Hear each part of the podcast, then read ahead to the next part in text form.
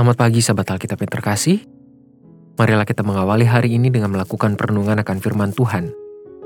Bacaan Alkitab kita pada hari ini berasal dari kitab Kisah Para Rasul pasalnya yang kelima, ayat 17 sampai 25. Akhirnya mulailah imam besar dan pengikut-pengikutnya, yaitu orang-orang dari mazhab Saduki, bertindak sebab mereka sangat iri hati. Mereka menangkap rasul-rasul itu lalu memasukkan mereka ke dalam penjara kota. Tetapi waktu malam, seorang malaikat Tuhan membuka pintu-pintu penjara itu dan membawa mereka keluar, katanya, Pergilah, berdirilah di bait Allah, dan beritakanlah seluruh firman hidup itu kepada orang banyak.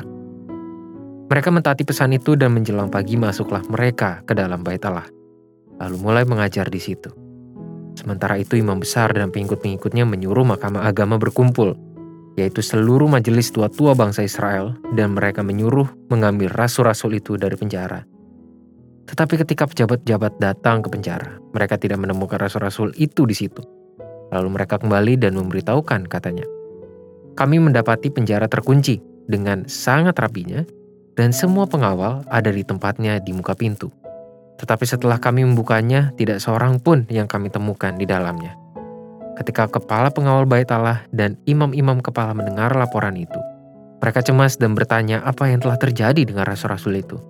Tetapi datanglah seorang mendapatkan mereka dengan kabar. Lihat, orang-orang yang telah kamu masukkan ke dalam penjara ada di dalam bait Allah, dan mereka mengajar orang banyak.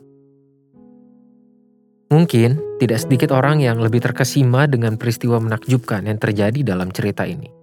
Bagaimana tidak, Melalui cerita ini kita sedang diperhadapkan pada sebuah kisah yang menampilkan sebuah kejadian yang tidak dapat diterima oleh akal pikiran. Hal itu bukanlah sesuatu yang seutuhnya salah. Namun, cerita lepasnya para rasul dari penjara sesungguhnya memiliki nilai yang jauh lebih mendalam dari sekadar sebuah peristiwa yang luar biasa. Penulis kisah para rasul tentu memiliki maksud yang kuat pada saat ia dengan sengaja mencatat peristiwa tersebut yang kemudian dapat dibaca oleh para jemaat, termasuk bagi umat Tuhan di masa depan. Hal inilah yang perlu kita pahami agar tidak terjebak pada sikap yang cenderung menyederhanakan kisah-kisah yang tercatat dalam Alkitab. Tidak dapat dipungkiri bahwa Tuhan dapat bertindak dengan cara yang tidak terduga. Kisah yang tercatat dalam ayat 17-25 ini pun telah menunjukkan bahwa tidak ada suatu kuasa pun yang sanggup membendung dan membatasi karya Tuhan. Para pemuka agama pada saat itu memang memiliki kuasa, entah secara sosial maupun hukum, di tengah sistem hidup masyarakat di Yerusalem.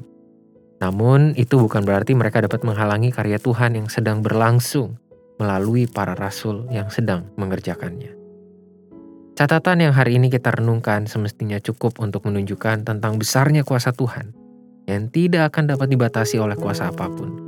Setiap karya yang Tuhan sedang kerjakan tidak akan pernah dapat gagal hanya karena himpitan atau kehadiran para orang yang menganggap dirinya berkuasa untuk menahan pekerjaan tersebut. Kisah para rasul yang lepas dari penjara pun sudah membuktikannya.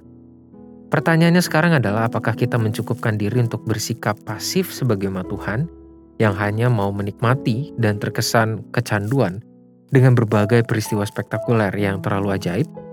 Atau kita justru memberikan diri untuk selalu terlibat dalam karya ilahi untuk mewujudkan kasih Tuhan yang tak terbatas bagi seisi dunia. Ingatlah, di dalam kisah ini para rasul tidak pasif pasca diselamatkan oleh Tuhan secara ajaib. Justru mereka kembali melanjutkan pekerjaan Tuhan dengan cara memberitakan dan melakukan pengajaran iman. Inilah respons yang selaras antara umat Tuhan dengan karya Tuhan. Para rasul sudah membuktikan bahwa mereka tidak hanya menuntut Tuhan untuk melakukan banyak perkara ajaib dalam hidup mereka, melainkan mereka bersedia untuk selalu terlibat aktif dalam pekerjaan Tuhan di dunia ini. Marilah kita berdoa. Tuhan, bentuklah kami, bimbinglah kami untuk menjadi umat pengikut yang selalu setia dan bersedia untuk memberikan diri menjadi dan selalu terlibat di dalam karya yang Tuhan kerjakan di dunia ini. Biarlah suruh kehidupan kami kami persembahkan untuk hormat dan kemuliaan nama Tuhan. Hanya di dalam nama Tuhan Yesus kami berdoa. Amin.